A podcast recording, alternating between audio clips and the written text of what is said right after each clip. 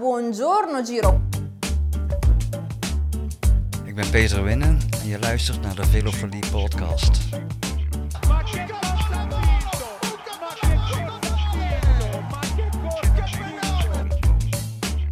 Ik ben José de Kouwer en je luistert naar de Velofilie podcast. De Velofilie Podcast.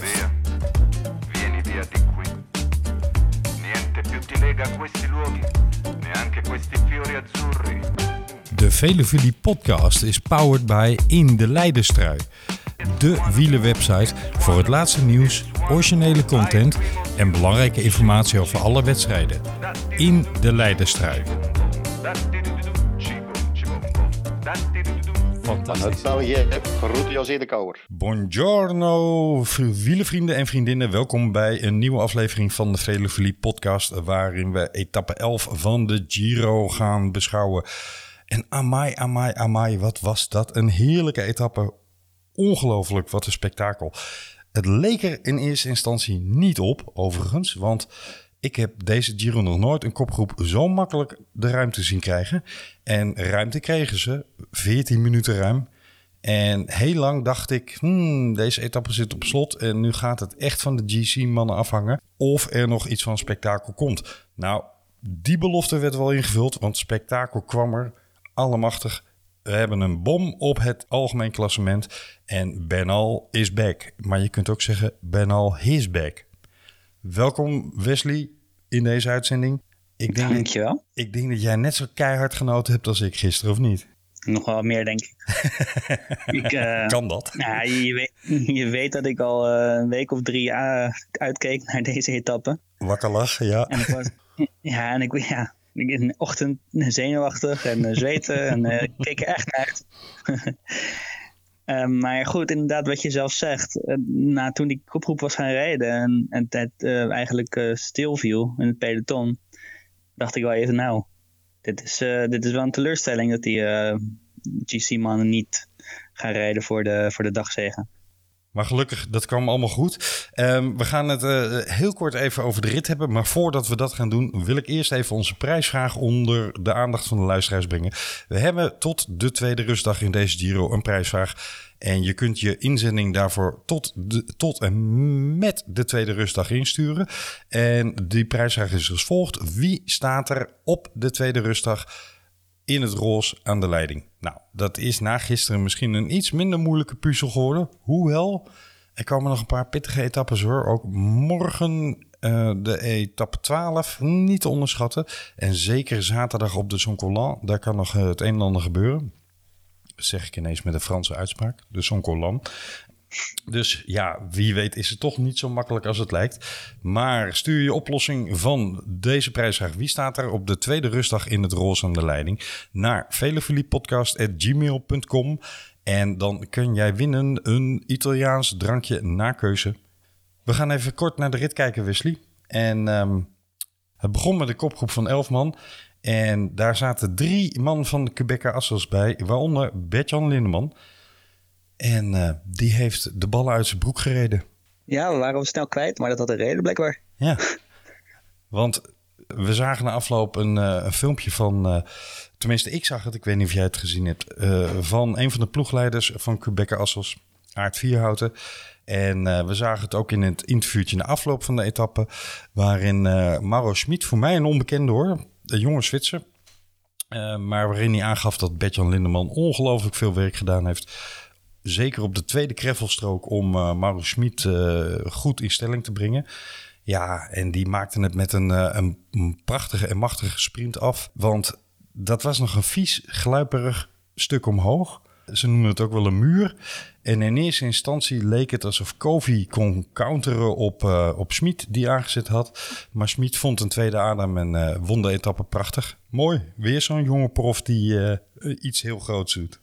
Ja, het houdt niet op daarmee, hè? Al die jongeren die, die beginnende vroeg aan. Je zou- Iemand opperde, volgens mij was het eh, een van de commentatoren op Eurosport, om de, de jongere trui in het vervolg onder 22 te maken. in plaats van onder 25. En ik voel, ik voel daar wel wat voor eigenlijk.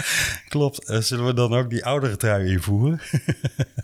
Ja, dat, is- dat is dan plus 26 of zo. ja, precies.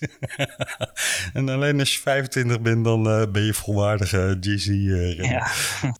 Er was ook een mooi Twitterbericht van Gio Lippens.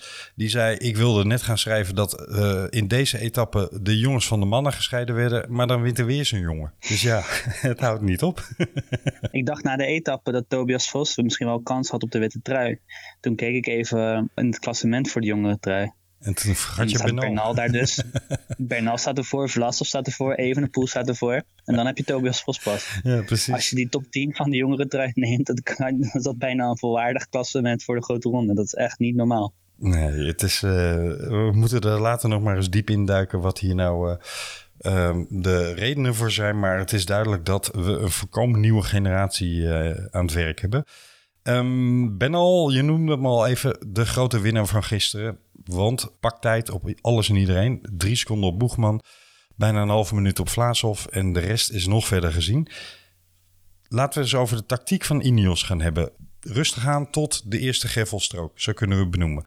En op de eerste sterate, eh, ja, daar ging het los. Ganna die trok even door. Ik zag op een gegeven moment in beeld staan 630 watt. Goedemorgens. Ja, probeer het niet thuis. Hoe vond jij eh, de tactiek van Ineos, Wesley? Eh, begreep je die? Nee, eerst was ik er niet blij mee, want ik had wel verwacht dat, dat Ineos het eerste gedeelte ook een eh, mannetje op kop zou zetten om die vluchters in uh, binnenschootsafstand te houden. Ja. Maar later begreep ik wel waarom ze dat niet gedaan hebben, want ze hadden echt letterlijk iedereen nodig toen ze er eenmaal aan begonnen. Ja. Jongens, die grijzelstroken kwamen eraan en Ineos ging toch op kop rijden, joh. Dat was, dat was niet normaal. Ja, En, eh, het, het, het was mooi, sorry dat ik je onderbreek, maar het was eh, niet alleen Ineos. Het was prachtig om te zien hoe het peloton echt in, in gestrekte draf met alle treintjes uh, opgelijnd voor de GC-mannen richting die eerste strook reden. Je zag op een gegeven moment dat ze echt zeven ploegen breed ja, de aanloop aan het nemen waren. Um, en, en iedereen probeerde daar vooraan te zitten. Omdat je op die gravelstroken eigenlijk maar op twee stroken heel goed kan rijden. Daar waar de bandensporen lopen, zeg maar. En alles daartussenin of daarbuiten, dat ligt vol steentjes en troep. En uh, daar moet je beter niet rijden. Dus iedereen wilde daar voorin opdraaien. En je zag echt dat iedereen met die aanloop bezig was. Maar Ineos trok door op die strook. En dat was het mooie om te zien. Ja, en met Kana in het bijzonder natuurlijk. Die, uh, die schoot nog uit zijn uit zijn klippendaal om, uh, om een bocht te redden. Ja. Ber Bernal erachter, Moscon erbij. Ze hadden gelijk een gat met de Yates, Vlasov, Evenepoel en Jumbo erachter. Ja, Ine of Benal en Ineos kwamen in een eerste groep, hè, want ontstonden breuken in het peloton. Uh, de tweede groep daarachter die zat op ongeveer 20 seconden. Ja, daar zaten alle andere GC-mannen in ongeveer. Ik vond Benal ongelooflijk ontspannen ogen, want ook in die bocht die jij uh, benoemde, waarin... Uh, Ganna bijna de bocht uitreed vanwege zijn snelheid. Toen waren we al in de afdaling van die eerste greffelstrook. Ja, Benal reed, uh, reed keurig die bocht door, had nergens last van. Had goed overzicht. Normaal volg je heel erg het, wiel van degene voor je. Maar had goed overzicht van, uh, hey, hier gaat Ganna iets te hard. Dus die, die hield even afstand, kon die bocht ruim nemen. Zag er echt, echt indrukwekkend uit. Ja, Bernal is echt ook een hele, hele complete renner. Hij kan koersen, hij kan klimmen, hij kan... Ja, tijdrijden is er nog wel lastig af en toe. Mm -hmm. Maar hij heeft een versnelling in zijn benen, hij kan op hoogte rijden, hij, kan, hij is technisch uitstekend. Nou, dat zag je echt vandaag. Hij heeft echt nergens moeite gehad. Nee. Hij heeft natuurlijk een mountainbike en... verleden, dus dat, uh, die ervaring speelt mee. Zeker, en dat zie, dat zie je echt terug in, in de manier waarop die koers... Ja, ik, ik ben echt blij dat, dat Ineos nu een kopman heeft die uh, niet gebaat is bij een uh, treintje op, op hetzelfde tempo voor bergenlang.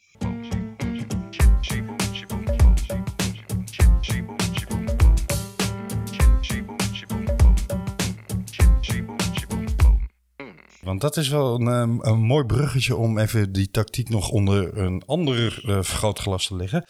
Je kunt namelijk zeggen, uh, Ghana en Moscon waren gisteren echt goud waard. Ik bedoel, Moscon is een randebiel eerste klas. Maar gisteren was wel even duidelijk waarom Ineos hem in het verleden niet heeft laten gaan. Hoewel daar voldoende stemmen voor waren. Maar gisteren liet hij zijn uh, motor even spreken. Ghana vond ik reed zich helemaal leeg op die eerste strook en was toen klaar. En daarna uh, heeft Moscon het, het werk overgenomen. Eigenlijk was Moscon key, want die reed echt onder andere de ploeg van Formelo, die op achterstand was gekomen vanwege materiaalpech, ja, die kwam geen meter dichterbij. Die, die verloor alleen maar meer terrein. En Moscon was daar echt goud in waard. Maar je kunt ook iets anders zeggen. Je kunt ook zeggen, uiteindelijk kwam Benal geïsoleerd te zitten omdat ze de hele Ineos-ploeg opgerookt hadden. En op dit terrein hm, is ook een gevaarlijke keuze. Wat nou als hij lek had gereden? Nou, Martinez lieten ze wel, geloof ik, een beetje, een beetje buiten het op kop rijden. Die zat er nog best kort achter. Ja, Dus, maar goed, Bernal zat misschien de laatste, wat was het, acht kilometer alleen. Nou, dat heeft hij laten zien dat hij dat prima zelf gedaan en zelf kon doen. En toen waren de grindstroken waren ook al bijna op. Dus de kans dat je dan nog lekker rijdt is, is wel aanzienlijk kleiner natuurlijk. Dus ik, ik vind echt dat, dat er weinig, weinig te klagen is over de tactiek van Ineos. Ze maken koers, ze doen het slim. Ze weten de zwaktes van, eh, van hun eh, concurrenten. Ik, heb, ik denk echt wel dat ze puur zoveel druk zetten om Evenepoel eh om, naar achteren te krijgen. En dat, dat is ook gewoon gelukt. ja ik, ik, ik probeerde een andere invalshoek te belichten. Hè? Maar uiteindelijk kunnen we eigenlijk alleen maar ons klakske afnemen. Want ze hebben, zoals ze eerder beloofd hadden, de aanval gekozen. En eh, ja, ze hebben gewoon de hele etappe laten ontploffen. Geweldig gereden. Verdient echt een dik eh, compliment. Hebben we in het verleden wel eens anders gezien bij Ineos. Maar eh, in dit geval is de Giro op zijn kop gegaan. Simpel door de tactiek van Ineos. Tactiek van de Koning Quickstep daar tegenover. Een van de grote verliezers vandaag. Niet de grootste, absoluut niet. Maar wel een van de grote verliezers is natuurlijk Remco Evenepoel. Verloor uiteindelijk meer dan twee minuten.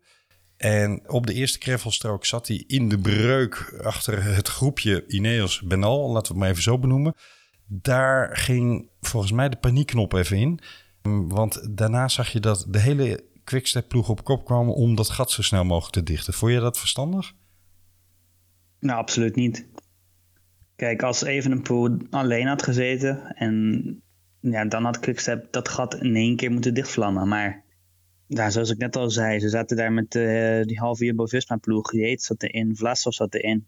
Dus ze hadden met één mannetje op kop en dan die andere teams ook een mannetje erbij zetten. Dan hadden ze dat ook kunnen doen. Maar Quickstep besloot gewoon om direct die 20, 30 seconden dicht te willen poeven. Ja. En dat heeft ervoor gezorgd dat Evenepoel de rest van de etappe alleen nog maar Almeida had. En ja, uiteindelijk, Evenepoel die moest ook nog dat, dat laatste gat bergop zelf dichtrijden. En ik heb het nog een paar keer teruggekeken.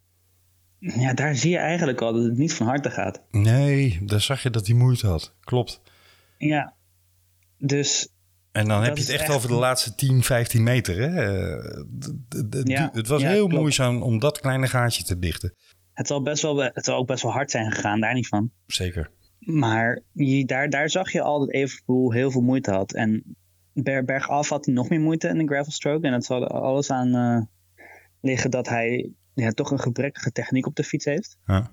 Hij, hij, na elke bocht, na elke eh, stukje afdaling in, op de gravelstroken moet hij gewoon een gat dicht, dichtrijden op zijn voorganger. En dat, gaat, dat doet je benen ook ontploffen. En dat is, er, dat is bij hem gewoon gebeurd. Want hij kan heel vaak zijn gebrek aan techniek gewoon goed maken door de kracht, door talent, door ontzettend hoge vermogen dat hij kan rijden. Maar als je dat keer op keer op keer moet doen tijdens een etappe, dan je verspil je gewoon al je energie simpelweg omdat je de hele tijd je voorganger erbij moet halen. Ja, je zag het na elke bocht, je zag het bij elke eh, ja, iets, iets technischere passage. Dan viel er weer een gat van een paar meter en dan eh, moest hij weer eh, in de pedalen. Ik, ik, ik denk dat het bij Evenepoel een combinatie van een aantal zaken was. Ehm, dit is de allereerste keer dat hij een rustdag meemaakt in een grote ronde. Ja, het is altijd de vraag hoe overleef je zo'n rustdag? Bij de ene renner is het hard nodig. Zoals Mauro Schmidt na afloop aangaf dat hij eh, tien dagen lang eigenlijk moeite heeft moeten doen om, om überhaupt bij te blijven. Maar op de rustdag ineens zich veel beter voelde. En dus gisteren in aanval kon gaan. Bij de andere renner, ja, die over verteren en rustdag heel slecht. Giulio Ciccone gaf na afloop aan. De rustdag is echt killing geweest. Want eh, ik, de vorm is goed, maar vandaag eh, zat ik er niet in. Die verloor eh, ook flink wat tijd. Ja, ik, ik heb even de pool daar niet over gehoord, maar ik denk wel dat dat meespeelt. Tegelijkertijd had hij volgens mij gewoon enorm angst. En ik denk dat die valpartij in Lombardije vorig jaar daar ook nog meespeelde. Want je zag dat hij hoekerig door de bochten ging. Er zat geen vertrouwen in zijn manier van rijden.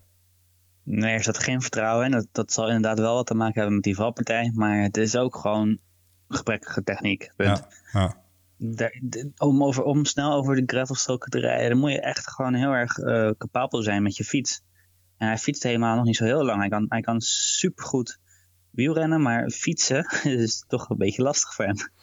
ja Ehm, dat is het verschil. Hè? Eh, hij kan, nou, dit eh, zeg ik gekscherend, want laten we zeggen, het is een, een topcoureur. Maar het, het verschil tussen wielrennen en hardfietsen zit hem in alle randzaken om de wattages heen. Dus als je heel hoge en goede wattage kan trappen, dat is één element. Maar het je handhaven in een peloton, in een groep en het, het rijden van moeilijke ondergronden, of dat nou kreffel is of kasseien of noem het maar op, ja, dat hoort er absoluut ook bij. Vond jij deze etappe terecht in de Giro zitten? terecht, ja, terecht vind ik lastig om dat te zeggen. Ik vind, ik vind wel dat het eh, mooi is dat het erin zit. Het is voor de kijker is het, het is zo mooi, want in welke etappe in een grote ronde gebeurt het dat de helft van de etappe alleen maar koers is? Ja. Minuut in, minuut uit, koers. Dat gebeurt zelden. En uiteindelijk hebben, is er wielrennen eigenlijk gewoon voor de commercie, voor de klant, voor, voor de kijker. En daardoor kunnen de renners ook betaald worden. Dus ja, zo- zo'n zo'n etappe zou eigenlijk gewoon in elke ronde moeten zitten. Want het komt de kijkcijfers te goede. Zeker, ja. Net zoals er in de, in de Tour eigenlijk een eh, Parijs-Roubaix-achtige etappe hoort te zitten. Ook niet elke Tour, maar het zou leuk zijn als die er eh, om de zoveel tijd in zit. Ja, ik ben het helemaal met je eens. Gisteren twee beschouwingen. Eentje van Damiano Caruso, die naar de top drie gestegen is. En die deze etappe als een key-etappe voor deze Giro eh, had aangemerkt. En blij is dat hij, eh, dat hij hem goed overleefd heeft. Nou, dat zegt genoeg hè. Met alle zware bergetappes die we nog voor de boeg hebben... werd dit dus echt als een sleuteletappe gezien. En een andere was van eh, onze vriend van de show, Danny Nelissen... die een prachtig Twitterbericht had en die zei... Nou, vandaag hebben we weer wat nieuws geleerd over wielrennen. Je moet ook kunnen sturen. lekker, lekker, Ja. lekker ironisch, maar ik vond hem heerlijk. Ja, hij kan niet zeggen dat hij ongelijk heeft.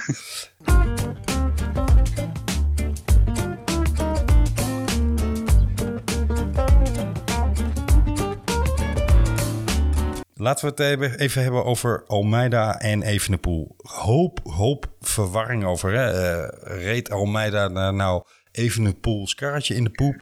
Of was dit een eh, onsportieve geste en, en eh, was hij bezig om te laten zien... kijk, mij is veel beter zijn.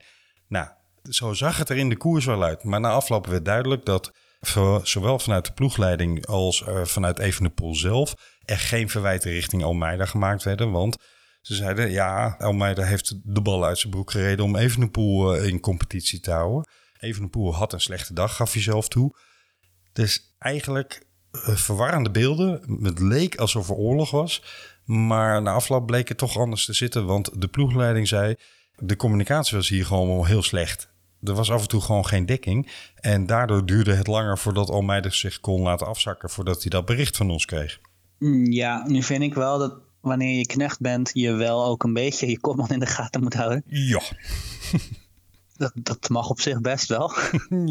ja. Dus ja, dus ik vind dat niet alles verklaren. Nee. Ik bedoel, Al- Almeida is ook misschien gewoon geen geboren knecht. Dan kan je hem ook weer niet kwalijk nemen. Het is misschien de eerste keer dat hij echt eh, fulltime knecht moet zijn. Want ook bij de jeugd zal hij gewoon command zijn geweest. Hm. Ja, dan kan je dus ook in het knechten fouten maken. En dat is wel wat er gebeurd is. Want je moet je kopman in de gaten houden. Vervolgens eh, gaat hij, rijdt hij te hard op kop, waardoor Evenepoel weer moet lossen bij Almeida. Ja, tegelijkertijd ben ik er ook wel van overtuigd dat het niet expres gebeurd is. Ik denk wel dat Almeida het beste voor had met Evenepoel. En dat Evenepoel simpelweg eh, ja, ontplofte. Die, eh, die was het zat. Oortjes eruit en had. Ja, het, het, het frappante is, hè, in mijn optiek heeft de koning drie fouten gemaakt gisteren. Eén is eh, het feit dat ze de ploeg oprookten om op Kreffenstrook 4, dus de eerste in koers, dat gat meteen te willen dichten. En fout 2 is dat Almeida inderdaad tot twee keer toe, en dat is wel frappant, tot twee keer toe niet in de gaten had waar Evenepoel gepositioneerd zat. En, en eh, dat de communicatie daarover te wensen overliet doordat er geen dekking was enzovoorts. Nou, dat, dat zal. Maar in wezen had Almeida dit niet vanuit de ploegleidersauto hoeven, hoeven te horen. Hij had gewoon bij Evenepoel eh moeten zitten. En dat gebeurde hem niet één keer, maar twee keer. Dus in dat opzicht was het niet heel sterk tactisch allemaal. We gaan nog zien. Almeida is, ja, Hogebergte wat er nog aankomt. Is daar niet al te sterk in, heb ik zo de indruk. Dus wie weet kan Evenepoel nog wel eh, remonteren. Is de Giro voor hem verloren, denk je? Nou, wat is verloren? Hè? Kan, hij, kan hij de roze nog winnen? Nou, ik denk het niet. Kan hij nog op het podium komen? Nou, als hij het niveau gewoon vasthoudt van de eerste tien dagen, dan wel. Ja. Maar dat is wel echt afvragen, want hij heeft nog nooit eh, grote ronde gereden. Dus zoveel dagen als nu, dat heeft hij nog nooit gereden in een wedstrijd. Dus ehm, het is echt even afwachten wat, wat Evenepoel eh, gaat presteren. Hij, heeft, hij komt natuurlijk terug van een hartstikke zware blessure. En dat mag je niet onderschatten. Dat, dat is echt een aanslag op het lichaam, zo'n zo'n revalidatie. Mhm. En dan zo'n inspanning als een grote ronde kan er best wel eh, op inhaken. Zijn eerste grote ronde. Hè? Ook dat neigen we bijna te vergeten. Zeker ook omdat hij de eerste tien dagen best indrukwekkend reed. Maar het zou toch, laten we reëel zijn, het zou toch knap zijn als hij gewoon top 10 rijdt in zijn allereerste grote ronde ooit. En zeker met de aanloop die hij gehad heeft. Geen koers gereden, negen maanden revalideren. Daarin ook nog de nodige tegenslagen gehad. Ja, nee, het super, zou super knap zijn als hij eh, inderdaad top 10 weet te eindigen. En ja, alleen ik ben, als hij dit, dit eh, neerwaartse spiraal eh, doorzet, dan ben ik er wel Ja, bang voor dat hij het uiteindelijk helemaal niet gaat uitrijden. Hmm, ja, oké. Ja, dat zou ook nog kunnen. Dat hij, eh, Maar denk je dat hij dan afstapt omdat hij simpelweg leeg is? Of omdat hij denkt, nou ja, perspectief op een mooie klassering is weg en ik heb er geen zin in om de dertigste te worden of iets? Ja, zoals ik Evenepoel een beetje in de media zie, dan houdt hij vooral van winnen. Ik denk niet dat hij, eh, dat hij eh, zijn ballen uit zijn broek gaat rijden om eh 24ste te worden straks. En toch zou het wel slim zijn dat te doen, want ze zeggen niet voor niets, je moet een grote ronde in de benen hebben om te kunnen groeien als renner. En ja, laten we wel zijn, wielrennen is een sport waarin je 99 van de 100 keer verliest. Dat is Evenepoel weliswaar niet gewend, maar het hoort wel bij wielrennen en het vormt wel je karakter als coureur. Dus ik, eh, ik hoop van harte dat hij eh, de Giro in ieder geval, eh, laten we ook geen doem-uitspraken doen, gaat uitrijden. Dat klinkt heel negatief. Wie weet staat hij straks gewoon toch nog op het podium hè? of komt hij helemaal terug in koers met een mooie aanval. Kan allemaal nog. We gaan het met etappe 12 te beginnen al zien hoe die zich herstelt. En wie weet was dit Ja. wel gewoon een dag na de rustdag, hè? dat het dat effect was. Kan ook zomaar. Ja, ik wil nog wel even, nog even onderscheid maken tussen eh, wat je net zei, dat, dat een eh, jonge renner grote ronde nodig heeft om hardheid op te doen. Mhm. Dat is zo. Gro- eh, jonge renners maken meestal gewoon een stap na een grote ronde. Mhm. Maar dat, is, dat gebeurt niet na bijna een jaar revalideren. Nee, dat ben ik met je eens. Dat- Dat ben ik met je Ja, eens. dat, Dat kan ook geen kwaad hoor, ook. maar hij zal er minder van kunnen groeien dan wanneer hij een goede aanloop had gehad. Ja. Ja, en het kan ook gewoon zijn dat je te ver gaat. Dat je te veel van je lichaam wilt en dat je eigenlijk ja, gewoon eh, jezelf een beetje eh, kapot trapt. ja, maar met de medische begeleiding die ze, en dat bedoel ik in positieve zin, die ze tegenwoordig hebben, kunnen ze dat natuurlijk veel beter monitoren dan vroeger. Dus ja, ze, precies. ze kunnen echt wel zien wanneer die op en leeg is en wanneer het geen zin meer heeft, omdat je inderdaad dan de vernieling in gaat rijden. Dus dat, eh, dat, daar ben ik niet zo bang voor, eerlijk gezegd. hey, weet je waar ik wel bang voor ben? Dat, eh, Eh, dat ene Vlaashof voor de derde keer denkt... Kut bidon, ik gooi hem lekker overboord. ja, ik denk niet dat ze in Rusland eh, deze regels hebben. Vlaashof is in etappe 11 beboet... omdat hij een bidonnetje weggegooid heeft in een non-littering zone. En dat was de tweede keer deze Giro. En hoe is nou de spelregel? Drie keer is scheepsrecht, oftewel dan mag u vertrekken. Wat denk je? Ja, ik denk dat ze de reglementen moeten gaan vertalen. Want volgens mij is het niet helemaal doorgekomen. Ja, ik hoor het al in die ploegleiders. Alexander, no, no, no. Oh man. Niet. Dat. Ja, nou ja, ik hoop dat hij, eh, dat hij oplet. Want eh, het zou wel zonde zijn als hij om die reden eh, de Giro uit moet. Hoewel, ik heb hem niet in mijn Scorita pool. Dus wie weet. Maar dan maakt het niet uit. Misschien moet ik gewoon een of andere enthousiast jochie in een Astana shirt inhuren. Die eh, langs het parcours gaat staan zwaaien. En dan Ja. eh, red ik mijn Giro eh, pool. hey, laten we even een paar namen bespreken. Vlaashoff heeft gisteren goed gereden. Hè? opende de aanval Ja. in de laatste 10 kilometer. Werd weliswaar knoepertje hard gecounterd door Benal. Maar prima gereden. Ja, Bernal is op dit moment gewoon buiten categorie. Ik bedoel, als je door Bernal gecounterd wordt, telt het eigenlijk niet. Nee. Ik bedoel, hij was eh, na Boegman, die was natuurlijk eerder weggereden. Was hij de, ja, de beste klassementsrenner eigenlijk op dat moment. Want het groepje daarachter met Yates, eh, Vos, Caruso. ja, Caruso, ja, die, kwamen, die kwamen ook niet dichterbij bij, bij Vlaasov. Dus eh nee, Vlaasov was hartstikke goed gisteren. En nog een jonge gozer. Ook weer. ja. Ja, Ja, we, we hebben dan, als je die namen noemt, ook meteen de belangrijkste namen op dit moment als winnaars van de etappe genoemd. Caruso, Yates, onopvallend. Sloop de top 5 binnen. ja, Yates is heel goed in verstoppertje spelen, heb ik gemerkt. Ja, die heeft geleerd hè, van een, eh, 2018. Ja, en daar eh, in 2018 heeft hij eh, zijn benen kapot gereden in de eerste, eh, wat zal het zijn, 14 dagen. Mhm. Die wilde winnen wat er te winnen viel en eh, wilde aanvallen waar het eigenlijk niet kon. Elk heuveltje ging Yates, dat, dat, daar kon je geld op inzetten. En eh, nou nu is het eh, een verstoppertje spelen, in de, in de wielen zitten bij anderen, niet op kop komen. Heel rustig, maar staat wel gewoon eh, bovenin het klassement. En ik denk dat het van Yates moet komen als, als we de Giro nog spannend willen krijgen. Ja, zou je zomaar eens gelijk in kunnen, kunnen hebben. Ik verwacht veel van hem in de derde week, nu die zich zo aan het sparen is. Want ja, als hij er dan doorheen zakt, dan kun je ook zeggen, hmm, vreemde manier van koers geweest.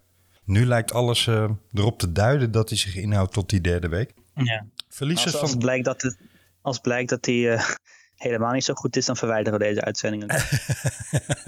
en dan neem ik Yates echt nooit meer in mijn Scorito Pool op. Chips, chips.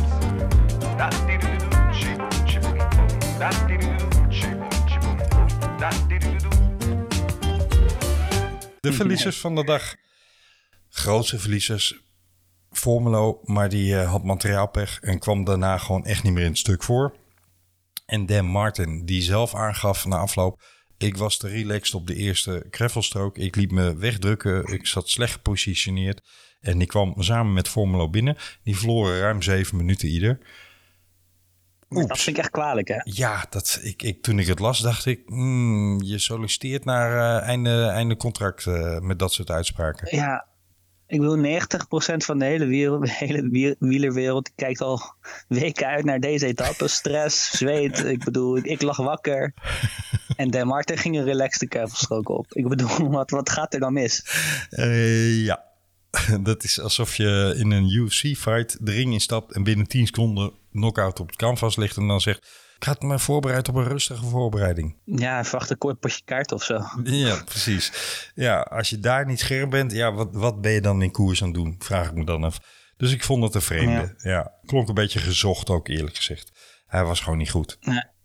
Formulo was uiteindelijk wel de grootste verliezer hoor. Want ik dacht echt juist van tevoren dat hij hier zijn, eh, zijn grootste winst zou boeken. Dat hij echt bij de, bij de absolute winnaars van de dag zou horen. Ja. En hij hoort nu gewoon bij de grootste verliezers van de dag. En dat is wel echt eh, ja, desastreus voor eh Formulo. Moeten wij, denk ik, Wesley... Ja, precies. Ik wilde zeggen, moeten wij ook even naar de luisteraars melden... dat wij hem allebei in onze Scorito-pool hebben. dus die, Ja. deed, die deed even pijn. hey, wie wij allebei niet hebben volgens mij... is Tobias Vos. En we laat, laten we nog heel even kijken naar het rijden van Jumbo-Visma. Waren sterk aan het rijden. Bouwman, Bennett, Tobias Vos. Ja, ik denk echt dat eh, Jumbo-Visma de perfecte koers heeft gereden gisteren. En dat zeg ik niet vaak. Ik ben best kritisch op Jumbo-Visma vaak. Mhm. Maar eh, gisteren, eh, nee prima hoor. Want ze zaten eh, na die eerste strook zaten ze achter, achter de breuk. Ja. Samen met, met dus Evenepoel onder andere. En ze zaten daar gelukkig met, geloof ik, met z'n met z'n vieren nog bij. Met z'n vijven misschien wel. Martins, David Dekker, Bouwman, Vos en eh nou, Bennett zat in de eerste groep. Ja. Die was, wel, die was wel mee met Bernal. Maar ze besloten gewoon niet op kop te rijden. We gingen lekker in de wielen bij, eh bij Quickstep zitten. En ze werden zo terug naar voren gereden. En eh, het kostte ze waarschijnlijk geen moeite. nee, terecht Nee, keuze. het was, was gewoon escort, escort terug naar de kop van de koers. Ja. Nou, fijn. Dank je, Evenepoel. En daar, kon- Ehm, daar konden ze later in koers nog gebruik van maken. Want toen besloot Bennett om het spel te openen vanuit de kopgroep. En eh, Vos sloot aan. En ja, die hadden op een gegeven moment even eh, bijna een minuutje te pakken met z'n tweeën. Ja, het was een hele logische aanval eigenlijk. Op een best, best logisch moment. Tempo was wat gezakt. Het was een beetje status quo. En ik bedoel, Bennett staat al, eh, die staat al op twee dagen achterstand of zo. En eh, Tobias Vos, die, ja, die staat 18 in het klassement. En wie gaat er dan op Tobias Vos letten? Precies. Dus het- ze, ze vallen tegelijkertijd aan, eigenlijk gewoon een, een teamattack. En ze pakken zo een minuut. Alleen, ja, dan kwam er een eh, heel vervelend stukje afdalen. Eigenlijk eh, ja, 3, 4 procent omlaag. Ja, en dat kost zoveel moeite dan om een hoge snelheid te behouden als eh daarachter de Ineos-trein maar doordendert. Dus toen werden ze weer eh, ingelopen. En toen dacht ik, ja, dat eh, is de duur kruid wat ze nu verschoten hebben. Ja. Daar merkten we niks van bij Tobias Vos. Nou, eh, ik, ik vraag me wel af, had hij die aanval nou niet geplaatst? Eh, had hij eh, misschien ook niet met Benal meegekund, maar was hij wel waarschijnlijk bij Vlaashoff in de buurt gebleven. Nu verloor hij daar nog iets op. Dus, mm, maar goed, het is een jonge jongen. Hij moet leren. Dit is de allereerste keer dat hij, zonder dat het überhaupt de bedoeling was, voor een klassement aan het rijden is. En eh, hij komt wel de top 10 binnen. Hij staat nu negende, dus eh pakt net zoveel plekken als Boegman. En is gewoon een prospect. Ja, en hij wordt beter, hè? Hij Zeker. wordt echt wel beter. Want die eerste, eerste, berg, eerste aankomsten bergop was het helemaal nog niet zo, eh, zo wonderbaarlijk. En nu is die, eh, was hij de nummer 6 van de klassementsrenners, geloof ik. Dus Ja, belooft heel veel. Ja, En laten we ook Koen Boutman niet vergeten. hè. ja die heeft indrukwekkend gereden, zeker. Ja. Die heeft echt een stap gemaakt. Dat, dat was echt een renner die bij de... Ja, als er nog 60, 50 renners in het peloton zitten, dan, eh, dan, had je, dan verwachtte je Bouwman nu nog wel, nog wel erbij. Maar nu eh, ja, kan hij gewoon bij de beste 15, 20 mee. En een, echt een hele waardevolle knecht. En knap hoe die, eh, zeg maar, eh, het verlies van de etappe die Benal won, waarin hij met Bouchard op kop lag en, en echt als een sneltrein ingehaald werd door, eh, door Benal. Ja, zoiets kan heel erg demoraliseren natuurlijk. Dat kan echt tussen je oren gaan zitten. Zag je in etappe 11 niks van. Wordt ook vandaag een mooie etappe, eh, Wesley. Ehm, etappe 12. Gluiperig veel hoogtemeters. Het zijn weliswaar nou ja, je mag het lopers noemen. Hè? eh, 5%, 5,5%. Maar eh, het zijn wel heel veel kilometers. Klopt, maar ik denk niet dat Bernal ervoor gaat rijden. Mhm. En ik denk niet dat enige andere klassementsrenner de dromen heeft om Bernal te kunnen kloppen.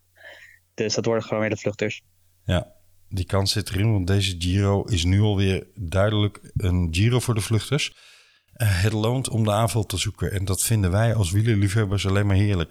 En er komt nog heel veel moois aan, waaronder aanstaande zaterdag de Zoncolan. Blijf vooral kijken, beste wielervrienden en vriendinnen, want de Giro is nog niet gestreden hoor, vergis je niet. En eh, er komen nog een paar prachtige etappes aan. Wij zullen daar weer verslag van doen, TCT. We laten vanzelf horen wanneer dat is. Maar makkelijker is als je je abonneert op Apple Podcast of Spotify. Dan krijg je die uitzending automatisch binnen. Je kunt ook kijken op www.vriendvandeshow.nl slash velofilie. En dan zie je vanzelf de nieuwste en jongste aflevering daar staan. En wat je daar ook kunt doen, en dat zouden we leuk vinden als je het doet, is een audioberichtje inspreken over hoe je de uitzending vond. En wat je ook op Vriend van de Show slash Velofilie kunt doen, is ons een steuntje in de rug geven door een donatie te doen. En met die donatie kunnen wij deze show blijven maken. En daar zijn we altijd blij mee. Wesley, ik kijk echt uit naar de rest van de Giro. Ik ook. En, en er zijn misschien nog maar twee sprintritten. Of ja, anderhalf eigenlijk. En de rest is gewoon ja, levendig vuurwerk. Dus Ja, precies. In, eh, in, het, denk- in het Italiaans zeggen ze bruto. De rest is gewoon bruto. Troppo bruto. ja. ja. Ja, zeker. Dit, dit, dit is echt een feest deze, deze ronde. En eh, ik zal verbaasd zijn als de enige andere eh, grote ronde dit kan overtreffen dit jaar. Ik eh, heb er nu al zin in. We zijn er snel weer, beste luisteraars. Bedankt voor het luisteren. Wesley, ciao ciao. Ciao, ciao.